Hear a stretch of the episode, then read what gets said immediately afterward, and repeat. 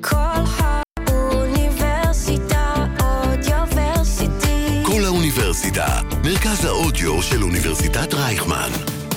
קול האוניברסיטה Audioversity. Sugar Space, המתכון לשבוע טוב, עם רוני פורט ושי קלוט. והמאזינות. שלום, שלום, שלום. שלום, שלום, שלום. אה, אתם מאזינים ל Sugar Space בקול האוניברסיטה, 106.2 FM, אני רוני פורט. אני שי קלוט. היום אה, יש לנו תוכנית מיוחדת, אה, כמו בכל שבוע, תוכנית מספר 90. היית מאמינה, שי קלוט? תקשיבי לי, טוב.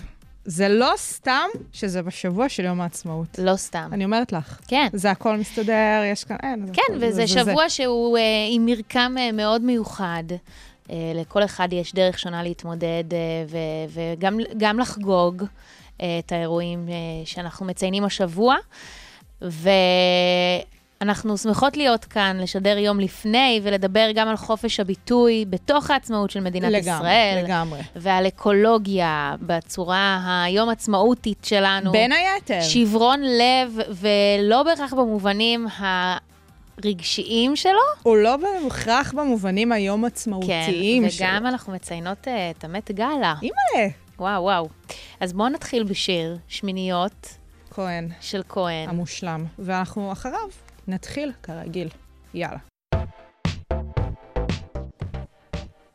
אז אז. אני מרגישה ש... שיום העצמאות הזה מכה בי בצורה אחרת. אני חושבת הרבה על בעצם מה זה אומר עצמאות, ומה מה המקום שלנו כבני אדם בתוך החברה הזו. בתוך האינדיבידואל שלנו, בתור, בתוך הקולקטיב. נכון כזה. מאוד. ולתפיסתי, הא- האופן הכי אמ, מהותי שאפשר אה, להגדיר עצמאות בתוך החברה הוא בעצם חופש הביטוי. ולמרות שאנחנו מתעסקות בנושא הזה המון בתוכנית, אנחנו מעולם לא נגענו בזה באופן ספציפי. בסיפור של מה זה ב- בליבה. כן, ובעצם אה, חופש הביטוי והבעה זה, זו זכותו של כל אדם להביע את דעתו ולומר את כל מה שבא לו, פחות או יותר, מבלי שיוטלו הגבלות שרירותיות על כך. אה, זה יכול להגיע בצורה של דיבור או כתיבה, צילום, הסרטה ובכלל כל דרך תקשורת אחרת. והחופש הביטוי והבעה זה בעצם הרחבה של עקרון חופש הדיבור. ואני חושבת שחופש הביטוי, מעבר לזה שזו אחת אה, מזכויות האדם הבסיסיות, אנחנו הרבה פעמים בתוך החברה יכולים לקחת את זה כמובן מאליו. ולמה אני אומרת את זה? אנחנו נמצאים היום בעולם שהוא גלובלי והוא מאוד דיגיטלי, והאופן שבו אדם חושב ומרגיש יכולה להגיע אלינו מכאן ומיד, וזה נראה לנו, את יודעת, לא משהו ש... אפשר, אפ- לא יודעת, קשה, קשה... כבר השגנו את זה. לא צריך להיאבק על זה. נכון. במובן מסוים. בדיוק. ו- ולכן גם מאוד קל לנו להגביל את זכותו של אה, אדם לדבר. ואנחנו דיברנו כאן על PC, אנחנו דיברנו כאן על... אה, תרבות ב- ביטול. תרבות הביטול.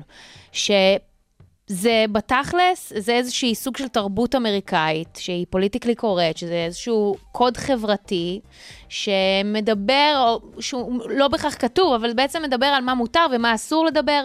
ו, ופה במדינה אנחנו לפעמים לוקים בזה, ואנחנו, כמו שאמרתי, אנחנו נמצאים בשבוע מאוד טעון, ואנחנו לא אה, שמים לב, אבל לפעמים האופן שבו אנחנו חושבים ומדברים יכול לפגוע באדם אחר, אבל גם מצד שני אנחנו מאוד מתוחים וחסרי סבלנות באותה מידה. אה, את מרגישה שיש איזשהו משטור בשבוע הזה ספציפי, נניח, אם אנחנו מסתכלות אה, תראי, בשנים קודמות? אם את מסתכלת אפילו באמת ברגישות של השבוע הזה, הרי מחר אנחנו מציינים את, יום הזיק... את ערב יום הזיכרון לחיילי מערכות ישראל, וביום רביעי זה יום אה, הזיכרון לחיילי מערכות ישראל, ופתאום עלתה סוגיה שבקונטקסט שלה היא מדהימה. אני חושבת, אני יכולה כן להסכים איתה במבט העל, זה שזה בקונטקסט הספציפי והאקטואלי, זה קצת יותר בעייתי. שזה קמו פורום אה, של משפחות שכולות, לא פורום המשפחות השכולות, פשוט קבוצה של משפחות שכולות, שמבקשים שפוליטיקאים, שרים, הממשלה הנוכחית, לא יבואו לכבד אה, אה, במעמד אה, האזכרות בבתי העלמין הצבאיים. אה, בגלל שמדובר על ממשלה שיושבים בה, אה, לא ממשלה, קואליציה שנתמכת על ידי, ממשלה שנתמכת על ידי מפלגה ערבית, אה, ושחלק אה, מחברי הכנסת אה, והשרים בממשלה הזאת לקחו חלק אה, בעברם אה, באזכרות אה, של פורום משפחות שכולות, גם הפלסטיניות, בעיקר חברי כנסת ממרץ. יום הז... ערב יום הזיכרון האלטרנטיבי. האלטרנטיבי בדיוק, מה קוראים אותו, וזו הגבלה של חופש ביטוי. זאת אומרת, זו הגבלה של אה, אותם פוליטיקאים להגיע ל, אה, לאזכרות האלה, שכמו שאני אומרת, יש אולי משהו שכן נכון להגביל הגעה של פוליטיקאים ל, אה, לאזכרות האלה תמיד, פשוט זה שזה קורה על, על רקע הקונטקסט הזה, זה די מתקשר לנושא הזה. לכמה הימים האלה טעונים וכמה על רקע הסיפור הזה של חופש הביטוי או חופש דעה והיכולת שלנו לבטא את העמדה והדעה שלנו בתוך המציאות המטורללת שלנו, זה לפעמים מתנגש עם כל כך הרבה דברים אחרים, שזה אה, לפעמים הדיסוננס הזה קשה מנשוא. ויש הרבה פעמים, ולא מעט סיטואציות, שבהם נדרש מאנשים שנמצאים בפרופיל תקשורתי מסוים להגיב או לא להגיב על נושאים מסוימים, אמ, בגלל ציפייה כזו או אחרת, כן. ו- ו- ו- וגם זה מגביל, וגם זה... אמ, זה, זה לא, אני, אני מרגישה מאוד לא נעים עם זה. זאת אומרת, מבחינתי זה הדבר ש, שהייתי רוצה לאחל לנו, לכבוד אה, יום הולדתה של המדינה, לכבוד ציון עצמאותה, שנוכל לדבר על, את שעל ליבנו, לשנות גם את דעתנו, אגב, שזה עוד משהו שקשה מאוד לעשות במרחב, שתהיה לך, תהיה לך דעה אחת, ואז פתאום שינית אותה, אה, אז, אז, אז זה כזה. ו... תראי, אני חושבת שאולי הבן אדם, אחד הישראלים המובהקים, ששינו את העמדה שלהם בצורה הכי אה, פומבית והכי קיצונית, זה יצחק רבין בכבודו ובעצמו, שהיה באמת חלק מהמערכת הביטחונית, היה חלק מ-67, מאותה מלחמת יום, אה, מלחמת ששת הימים, שבמסגרתה אה, כבשנו שטחים, ואז בשנות ה-90 הוא הגיע בתור ראש ממשלת ישראל וחתם על הסכמי אוסלו. זה כאילו הניגוד המוחלט של מה הוא עשה בתור אותו רמטכ"ל אה, וגנרל מהולל, אה, והוא אמר, במסגרת ההסכמים האלה, אפשר לשנות עמדה. ושלום עושים עם אויבים, כן? אנחנו מכירים את זה, זה, זה כאילו לא קשור, עם מי נעשה וזה... שלום אם לא עם אויבים, אבל כן, זה בדיוק זה, היכולת שלנו רגע לקחת עמדה וכן להתבשל וכן לשנות אותה ולהבין שאנחנו נמצאים בכזאת מציאות וכזאת חברה שתקבל את זה שאולי אנחנו משנים את הדעה שלנו. שכל עוד אנחנו אומרים אותה בלב שלם, עדיף עם ביסוס, כי מן הסתם אם אנחנו באים ושולפים ככה דברים מהמותן, זה כן, לפעמים פחות עדיף.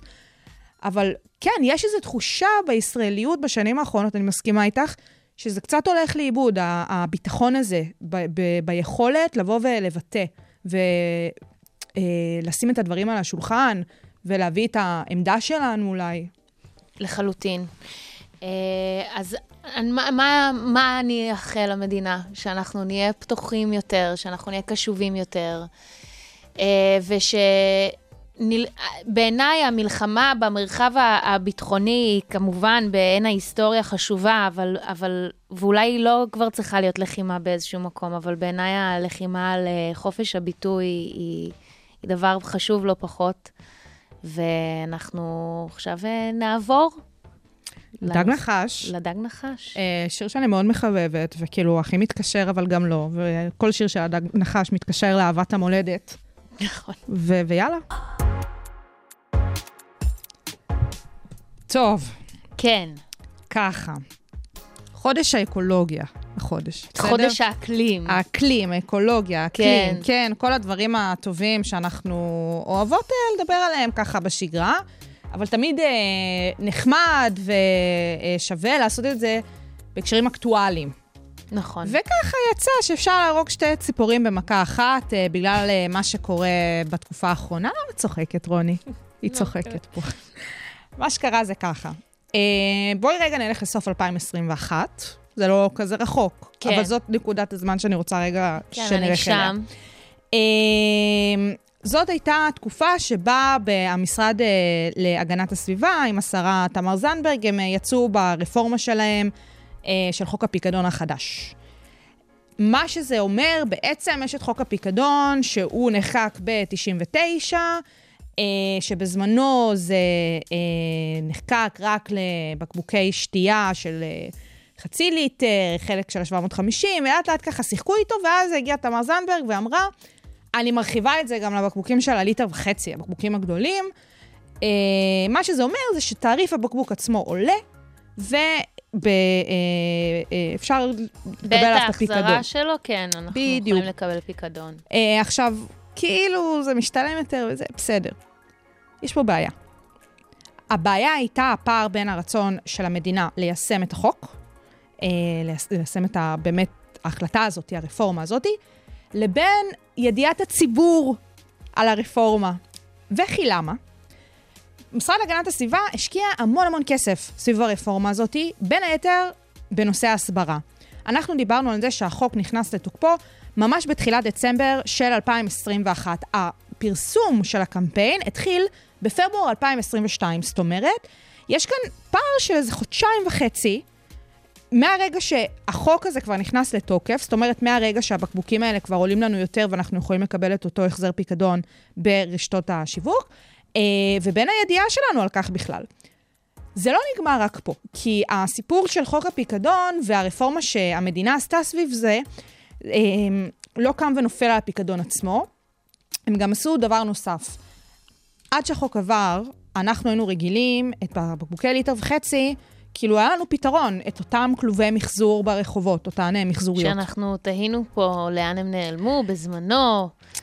הם לא הלכו לשום המדינה מקום אה, עשתה זה. הודיני והעלימה אותם בלי מזה, להסביר לאן זה הולך ומה ב... עושים. אפילו הם הגדילו לעשות והתחילו להוציא אותם מהרחובות קצת לפני ה...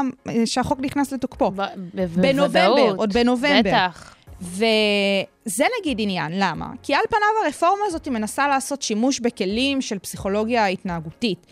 היא מתמרצת אותך, נותנת לך תמריץ למחזר, על סמך זה שהיא מחזירה לך כסף. אמ, וזאת התפיסה שאם תקבלי כסף את תמחזרי יותר. זה איזשהו אה, באמת אה, פרקטיקה. נשמע אוטופי. אממה. זה לא באמת מה שקורה. עכשיו, יותר מזה, יש פה כשלים בארגון. למה?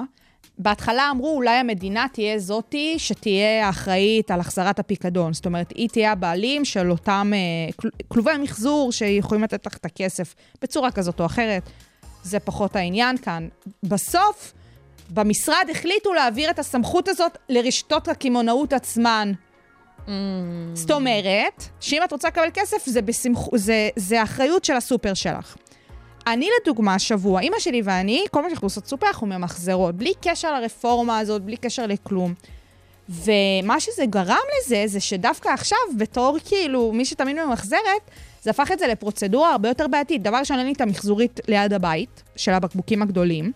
ומצ... ומנגד, בסופר שאנחנו רגילות לרכוש ממנו, אז יש רק מכונה אחת, ותור שמשתרך, שהשם ירחם, ויותר מזה אני אגיד לך, יש כאילו מכונה לפלסטיק, מכונה לזכוכית, המכונה לזכוכית לא עבדה. אין לי אז כוח. אה, אין לי כוח. נשמע סבבה? עוד דלק שיישרף, ועוד דברים שקורים מזה. לסביבה במקום לתרום לה. יותר את מזה. גם כבולה למקום אחד, ומה יעשו אלה שנוהגים לרכוש בצורה של אה, אונליין? שזה הר- לא מעט, בטח יש מאז הקורונה. 20 אחוז מהרכישות של שופרסל הן אונליין, 9 אחוז מהרכישות ברמי לוי הן אונליין. מה הם יעשו? כאילו, אין להם את המחזורית ליד הבית, מצד שני הם לא יכולים לגשת לאותה רשת קמעונאית שממנה הם רוכשים באינטרנט. אז מה הם... קיצר, כל הרפורמה הזאת זה בעיה אחת גדולה. בסדר? הם גם לא עשו רשות אכיפה, נגיד, שתבקר את אותן רשתות קמעונאות אם הם הציבו את אותם מכשירים ומכונות למחזור. כל פה אללה בבאללה. ואז אנחנו מגיעות גם לזה שמנסים לעשות רפורמה אה, או הסברה לצרוך פחות פלסטיק ויותר אה, לרב פעמי.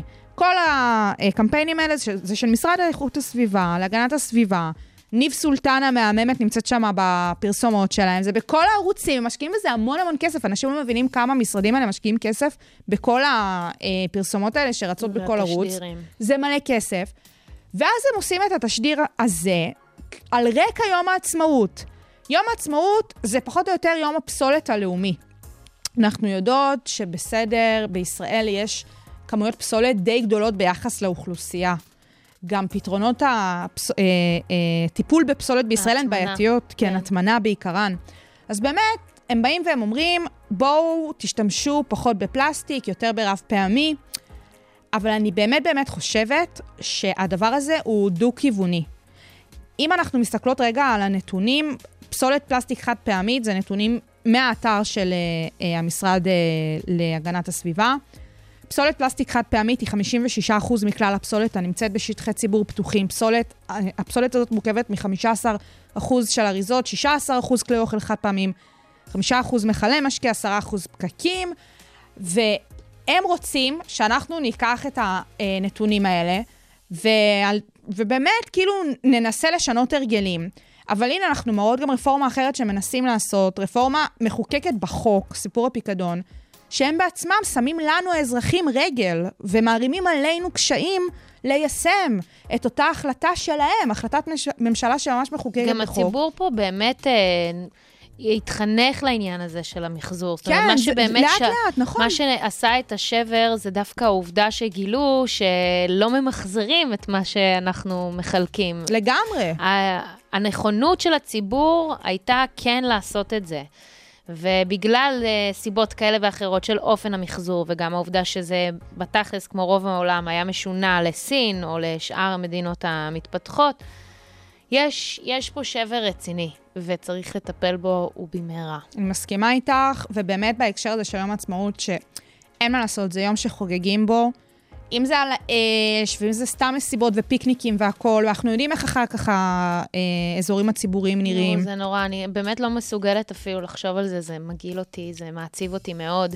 כי אנחנו גם תמיד מסיימות, אה, את יודעת, אייטמים שכאלה ב... בהבנה שבאמת מדובר פה בהפחתה, אין מה לעשות. נכון, זה לא נכון, עניין של נכון. רק איך אנחנו נצרוך את מה שאנחנו צורכים, זה להפחית, זה, זה תרבות של צרכנות נבונה, זה, לשם אנחנו צריכים לשאוף. וכמו שאנחנו אומרות כאן, זה ממש אה, משוואה עם כמה משתנים. גם המדינה צריכה להירתם לדבר הזה. כמובן הציבור, שציבור זה עניין של חינוך, ובאמת עניין של מודעות והכול, אבל כן, יש פתרונות. ואפרופו, באתר של המשרד אה, להגנת הסביבה, יש שם ממש, עמוד שהם אה, מקדישים ליום העצמאות לפתרונות שאזרחים יכולים לעשות בהם שימוש אה, עם אלטרנטיבות.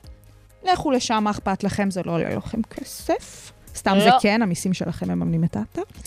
ופשוט כאילו תראו מה קורה שם, איזה טיפים אפשר לקחת בשביל שיום העצמאות הזה יהיה קצת פחות מטונף. יאס. פליטווד מק.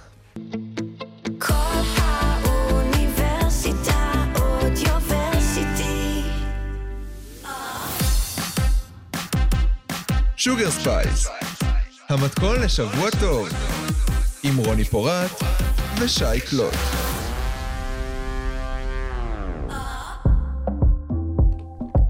אה, שברון לב. כשאני אומרת שברון לב, שייקלוט, מה עולה לך? מה את מביאה לי פה עכשיו כאלה נושאים לשידור? שברון לב, זה... שברון לב. לא, זו תחושה לא נעימה. תחושה לא נעימה. לא כיף, תחושה של לא כיף לי. ועל כאב כזה נכתבו שירים, וספרים, וסרטים, ונפלו אימפריות, ונוצרו קיסרויות, והרומנטיזציה של הדבר, ואפילו ההתמסחרות של העניין, אם זה לאכול גלידה, או להאזין למוזיקה מסוימת, וכזה להתחיל משטר אימונים, ו-It's a new me. שמענו את זה, נכון? שמענו ועוד אבל- נשמע. וכן, כן, בדיוק. אז, אז שברון אה, לב הוא דבר אמיתי, והוא גם פיזי וגם נפשי. ועל פי אה, מכון דיווידסון, שזה הזרוע החינוכית של אה, מכון אה, ויצמן למדע, כשאנחנו נפצעים, נופלים או נחתכים, מופעל אזור במוח שמאבד את תחושת הכאב. המחקרים שהם נעשו ועליהם הם גם מתבססים, הוא שמדובר באותו אזור במוח בדיוק. הוא נקרא פיתול החגורה הקדמי, והוא מגיב גם לכאב נפשי וגם פיזי. ובעצם אה, כשפסיכולוגים ביקשו אה, ממשתתפי מחקר מסוים לדרג אה, סוגים של כאב נפשי ולהשוות אותם לכאבים פיזיים, הם בעצם תיארו את זה כשווה בעוצמה ללידה ללא משככי כאבים, או לסבל הכרוך בטיפולים כימותרפיים בסרטן. שלא נדע. שלא נדע, שלא נדע. אה, ואנחנו כחברה, אנחנו לרוב אמפתיים יותר לכאב פיזי מאשר אה, לכאב נפשי. אני חושבת שאולי זה כי אנחנו זוכרים כאב פיזי טוב יותר, או שאנחנו ממש יכולים לחוש אותו פיזית, או שזה מקשה עלינו, את יודעת, בצורה שהיא ייחודית יותר. ו... ויש גם את תסמונת הלב השבור, זה דבר. כן, It's a thing. שזה נקרא תסמונת טאקוצובו, שהיא בעצם מאובחנה בשנות ה-90 ביפן, והיא מצב רפואי שמתבטא בהיחלשות זמנית אך משמעותית של שריר הלב. דווקא היפנים, יפה. כן, זו היחלשות שגורמת בעצם לשאר הלב לעבוד קשה יותר, והיא לרוב אה, מתרחשת אה, על רקע פיזי או נפשי, משמעותי. אה, זה יכול להיות גירושין, זה יכול להיות בעיות כספיות, נאום מול- קהב, מוות של אדם קרוב לא עלינו, פיטורים מהעבודה, בדיקות רפואיות, אפילו דברים חיוביים, כמו זכייה בלוטו. יענו, שזה- אתה מתרגש יותר מדי, הלב מתפוצץ. בדיוק. כזה. כן, כן, בהחלט. והתופעה, כמו שאמרתי, מופיעה אה, כתוצאה מאירוע חריף, אה, ו... ואיזשהו סוג של לחץ נפשי מתמשך, אבל היא בסופו של דבר חולפת, כן? גם, אה, גם את זה חשוב להגיד. למרות שאם אנחנו כבר מדברות על הנושא, אז אם אתם חשים איזשהו משהו שדומה לכאב לב אה, פיזי, זאת אומרת, אה, של התקף לב, בכל מקרה תפנו לרפואה, זאת אומרת, לא, שיהיה ברור. ברור, אי אפשר לאבחן, אני בטח לא יכולה לאבחן לכם לא, את זה. כל דבר שנאמר כאן במסגרת שוגר ספייס לא מהווה המלצה או כל הדרכה ממש לא. רפואית. ממש לא. אז שברון לב, אם אנחנו ניגע באמת אה, לגופו של עניין הרומנטי, אוקיי? הוא שהוא לפעמים הוא מפתיע, אוקיי? ו- ו- ולפעמים הוא גם מגיע עם איזושהי מודעות, אבל כשהוא מגיע בשלב מאוחר יותר בחיים, נניח לא בטינג'ריות, אני חושבת ש... מעבר לזה שזה מגיע עם איזשהו פחד, כי אתה כבר יודע מה עברת, כן. אני חושבת שיש אפילו איזשהו סוג של בושה. כן, את חושבת? כן, את זוכרת את עצמך אולי, אולי, אולי. נניח, הש- לפני כמה שבועות גיליתי שבאבועות רוח זה כבר לא קיים, כן. יש חיסון לזה. כן. וואט. כן. אוקיי, אז את זוכרת שהגעת ל- לבית ספר, וכזה, היית כזה, אני, היה לי באבועות רוח. מכירה את הוואסך הזה? לא. לא? אולי זה היה רק בסביבתי, אבל... אבל אני, מה אני מנסה להגיד בזה? בעבר השני של כביש 4, אני מנסה... שם התפזמו על המעברות ראש. כן, ממש. אז אני מנסה להגיד שיש משהו, את יודעת, שפתאום אתה חווה את שברון הלב בפעם השנייה, בפעם אוקיי. השלישית. אנשים כבר, את יודעת, לא כל כך מגיבים לזה, כשזה הפעם ראשונה. את יודעת, יש בזה זאת משהו אומרת, מרגש. בראשוניות, משהו של משהו ה... בראשוניות, אוקיי, ופתאום אוקיי. כשזה קורה שוב, אז אנשים גם אומרים, אה, כבר עברתי את זה. אבל יכול להיות שדווקא כשאתה מבוגר, אז אתה יותר משלים עם זה. כאילו, יש לך איזושהי יותר הבנה ביחס לחיים, או ביחס למה שעוברים, ואז יותר כזה, אוקיי, עכשיו נשבר לי הלב. כן, נכון שכשאנחנו מגיעים לזה עם כזה. ניסיון, בהחלט יש לזה, יש לזה השפעה. אה, אבל, אבל, תראה, אז אני חושבת שיש עניין של להתבייש. אוקיי, דווקא בגלל אוקיי. שאנשים חושבים שזה מביך. שזה, אתה יודע, לא, שזה, שזה כבר... מקושר ל- לזה. או שזה גם אפשרי, את יודעת, שזה דבר שהוא קורה, ובסדר, גם זה יעבור, ו... אה, מאלה. את יודעת. כאילו, כזה, גדול יש מזה. הרבה דגים בים. אוי. לא, אז נראה לי ש... טוב, כל אחד מתמודד עם זה בצורה טיפה שונה, אבל אני חושבת ש, שכשאנחנו חשים את זה על אדם סביבנו, אלא אם כן אנחנו מרגישים שזה קשה מדי לשאת, או שאנחנו עוברים שברון לב בעצמנו, ואז באופן מובן קשה לנו להכיל mm-hmm. כאב של אחרים, אבל אפשר להיות, את יודעת, קצת יותר... אמ, אמפתיים לזה. עכשיו אמפתיים. כשאנחנו יודעים שהכאב הנפשי הזה הוא שווה ערך לכאב פיזי מאוד מאוד מאוד משמעותי, המחקרים אמרו, לא המחקרים אנחנו. אמרו, לא אנחנו, אה, שאנחנו לא צריכים לשלול את המקום הזה של הסבל של האדם. כאילו, זה, זה לב שבור הוא לב שלם, אבל אה, הוא גם קצת קצת מדמם. אני לא יודעת, מה את חושבת? אני לגמרי איתך. ברור. אז אה, אנחנו נעבור עכשיו אה, לשיר לב שבור של ברי סחרוף. לב שלם. לב, רואה, לב זה ישר ממש. יצא לי ככה. יאללה, ברי. שוגר ספייס, המתכון לשבוע טוב.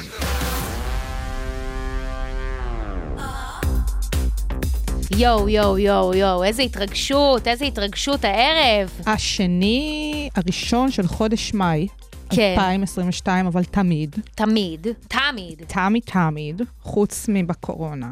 כן. זה בדיוק הערב שבו כל הדברים שצריכים לקרות בתחום האופנה קורים.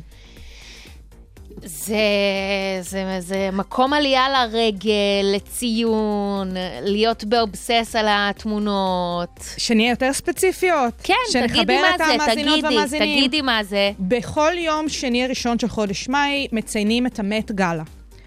אה, שזה בעצם אירוע אופנה, באמת אירוע peak של כל שנה, אם יש את ה fashion weeks למיניהם, באמת אה, בכל אה, בירות האופנה העולמיות, אה, או את טקסי אה, אה, תקופת הפרסים והשטיחים האדומים, כל זה מתגמד לעומת ה Met Gala. ה Met Gala קורית היום בלילה.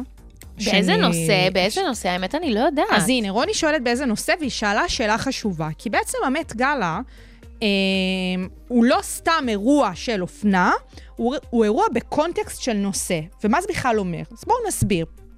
המט, המט גאלה כמת גאלה הוא אירוע אופנתי, אה, מתרחש בכל שנה במוזיאון המטרופוליטן לאומנות בניו יורק. ולכן ה- נקרא המת. המט גאלה, והמטרה שלו היא לגייס כספים למוסד מאוד ספציפי בתוך המוזיאון, למכון אומנות לתלבושות של מוזיאון המטרופוליטן. עכשיו, אה, בתוך הדבר הזה יש את מי שתכלס מתכלל את האירוע, שזה מגזין אה, ווג. בשנת 1995, מי שממש קיבלה את המשכות לידיים שלה, זאת לא אחרת מאשר העורכת אה. הראשית של ווג, אנה מינטור. אה, וחוץ מה לא, שמה לא כתבו עליה, שמה כן? לא כתבו עליה ואיזה סרטים לא עשו עליה, ובסדר, כולנו יודעים מי. אמ, ומה שקורה זה שלאירוע הזה יש כל מיני מוטיבים. לדוגמה, באמת הסיפור של הנושא. הנושא של, המת, של הגלה עצמה, של הנשף הזה, מתקשר לנושא של התערוכה שמוצגת באותו מכון לאומנות שאליו עושים את אירוע גיוס הכספים. אה, באמת, בכל שנה יש אה, נושאים כאלה ואחרים. השנה הנושא זה In America, an Anthology of Fashion. גם שנה שעברה היה אה, נושא שהוא כזה על אופנה אמריקאית, תכלס. אה, שכולם באים עם הז'ינס. עם הג'ינסים והרבה דברים כאלה בצבע ניוד כזה, כאילו אנחנו ערומות. תכלס, מה שעמד מאחורי זה זה מעצבים אמריקאים, בתכלס, בתכלס, בתכלס. עכשיו, אה, מה זה, כאילו, אמרנו נושא והכול. המוזמנים למט גאלה, שתכף נסביר בדיוק מה זה אומר מוזמנים, הם מקבלים את הנושא, והם צריכים לבוא באותן תלבושות מדליקות שמתקשרות לנושא, ולהם יש את כל היכולת בעולם לעשות איזה אינטרפטציה, איזה פירוש שהם רוצים, ואז לבוא ולדפוק לוק של לייף. כן, ורצוי. כזה שגם ידברו עליו. כי, לגמרי. כי זה הפך להיות אה, אירוע תקשורת אה, לא פחות מאשר שזה אירוע אופנתי. ממש. עכשיו, באמת, אם אנחנו שנייה בוחנות את האירוע הזה, זה שאנחנו מדברות עליו בשנת 2022, כשהאירוע הזה התחיל ב-1948, מה קורה, מדינת ישראל? וואי, מה קורה? מה קרה זה מקרה? ב-1948? האם זה מקרי? I don't think so. I don't, אני, אני I don't think מסכימה so. איתך, אני מסכימה. האירוע הזה התחיל בשנת 1948, שמי שבאמת אה, אה, הביאה את האירוע הזה, גם כן, בסיפור הזה של אה, גיוס כספים מאלינור למברט, שהיא הייתה עיתונאית אה, אופנה ממש אה, גדולה באותן השנים, ולאט לאט הוא קיבל את הצביון שלו, של הסלבס והוליווד, כי בהתחלה מי שהגיעו לשם בתור אנשים שתורמים כסף למוסדות, היו החברה הגבוהה של ניו יורק. והם לא היו בדיוק, את יודעת, הסלבס, הם היו השמנה והסלקה. זה לא מי שהיום אנחנו מכירים. מתי כן זה קיבל את הצבע ההוליוודי, ה-e-news, כל זה? איפשהו ב-70's, ששם גם נכנס הסיפור של ה-theme, של הנושא, שהאורחים צריכים לקשר את הלוקים שלהם לנושא התערוכה, הכל קרה ב-70's. אה, ואמרנו, אורחים, מוזמנים, חבר'ה, כל מי שמגיע לאירוע הזה צריך לשים 30 אלף קיי. מרשרשים. בדיוק, להביא את הסטפה. הם עדיין מגייסים כסף. זה מגיע לסכומים מטורפים. של מאות מיליוני דולרים שמגייסים בערב הזה לאותו מכון אה, לאומנות במוזיאון המטרופוליטן. והאופנה, מה עם האופנה? אז באמת, כמו שאמרת, מגיעים לשם לוקים מטריפים, דברים שכולם מדברים עליהם.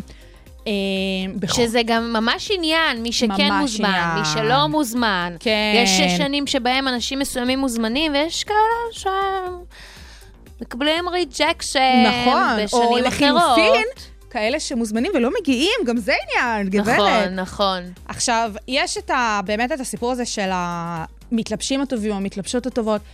תראי, אני חושבת, באמת הגדולה מכולן, זאת שרה ג'סיקה פארקר. אני כן. חושבת ש... לא יודעת, יש שם משהו עם... מדהימה, ויותר מזה, ווג עשו איתה סרטון מדהים לקראת האמת גאלה שהתפרסם בשבוע שעבר. אני ממש ממליצה, אם אתם יכולים ללכת ולראות, כי זה ממש סרטון מדליק, של איזה רבע שעה. אה, היא עברה על כמה לוקים נבחרים והיא הסבירה למה היא בחרה ללבוש את זה, מה עמד מאחורי הרעיון, איך היא עבדה, מה- משהו מדהים. כאילו זה לראות איתה ולהבין מה זה בכלל אומר. כן, הם לא, הם לא, האנשים שמשתתפים בר, לרוב, הם לא פשוט מגיעים כזה, לא תלבישו אהלן." אותי. ממש. לא, הם מאוד מעורבים בתהליך, גם אה, קים קיי, שהיא הרי אחת תכף ניגע מהמבקרות. בה, חכי, לא להקדים את רגע, המאוחר. סליחה, ספיילרת. עכשיו, יש כאן עוד סיפור שבכל מת לאנה ווינטור מצטרפים עוד מספר מארחים, המספר שלהם משתנה אה, מגלה לגלה, שזה גם מגניב, כי זה גם נותן עוד כזה זווית.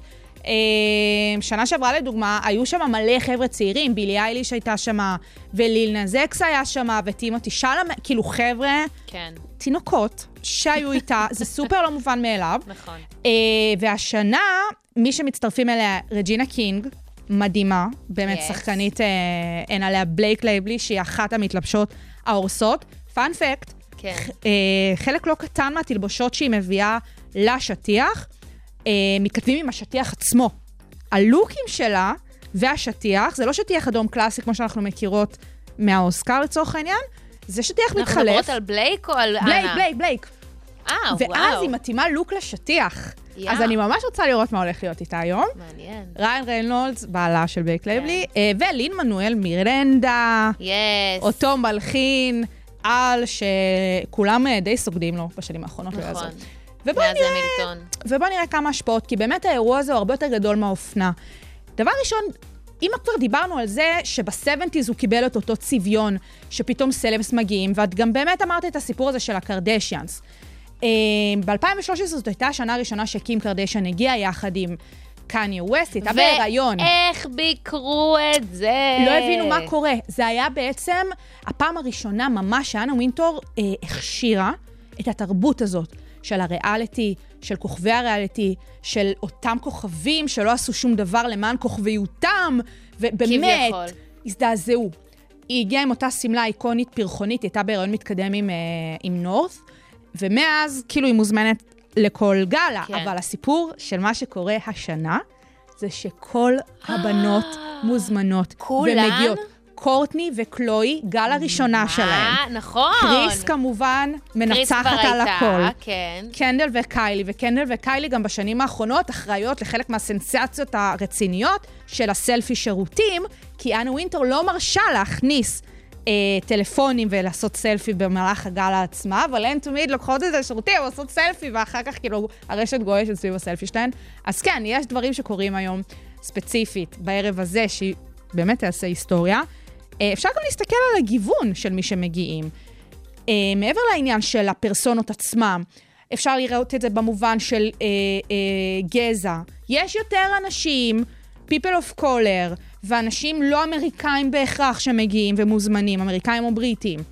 באמת, אם זה אה, אנשים אה, אה, אסיאתים יותר, או אנשים אה, אה, ממוצא לטיני.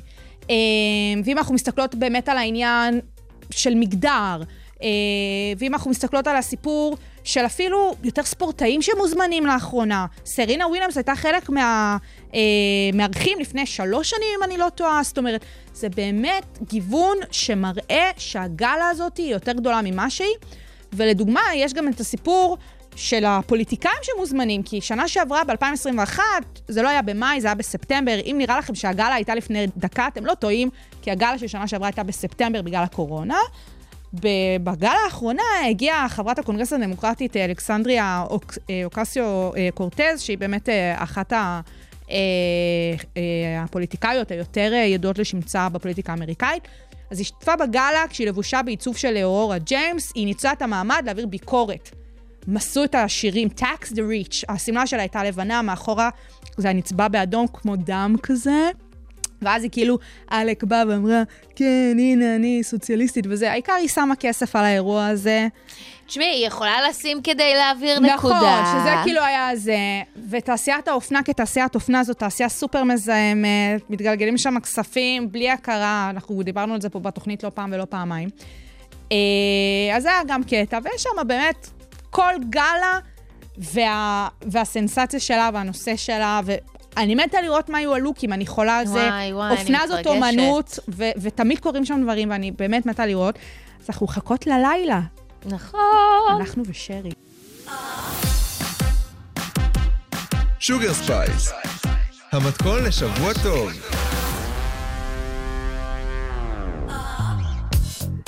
יש לי פוט. יש לי פה... ציינה רומי אברג'יל אה, בסטורי שלה. yes, queen, איך אנחנו שמחות בשבילך. ממש, רומי אברג'יל, בחורה באמת מעוררת השראה שסיימה בשבוע האחרון את הליך ההתאמה המגדרית שלה בתאילנד. אה, בחורה באמת אה, אמיצה. כי אמיצה היא התחילה את. התהליך הזה בגיל סופר צעיר. אה, מי שלא יודע או לא יודע, תהליכי התאמה מגדרית זה משהו מאוד מסובך. זה לא קמים ב- ב- בבוקר ומחליטים לעשות ניתוח כמו לצורך העניין הגדלת שדיים, שזה באמת נטו אצל פלסטיקאי, והכל זה תהליך שמלווה בפסיכיאטרים ופסיכולוגים, וכשאת צעירה אז בכלל, כאילו, את צריכה לעבור כל מיני דברים בהקשר התפתחותי גם, וזה זה מטורף. נוסיף על זה את עין הציבור, ש... שהיה... שהייתה עליה, מה... פחות או יותר מאז שהתפרסמה, בגיל 12 או היא 13. החליטה לקחת את הדבר הזה ולהפוך אותו לציבורי. זאת הייתה החלטה שלה, החלטה אמיצה, החלטה שיותר גדולה ממנה. אה, תראי, אין ספק שיש פה את אה, דנה אינטרנשיונל, שהייתה נגיד אישה שהתוותה את הדרך, לא סתם בחורה צעירה במדינת ישראל יכלה לבוא ולעשות את זה, כשהייתה לה דמות כזאת לחיקוי, שיכלה לאפשר לה את זה. ובאמת, לא יעזור זה שהיא באה וכתבה את, את הסטורי הזה ככה, יש לי פוט וזה, כאילו, נשים שנולדו אה, עם, אה, את יודעת, סיסג'נדריות, לא כותבות יש לי פוט ככה, וזה זה מדהים, זה מדליק. נכון. בואו כולנו נכתוב שיש לנו פוט.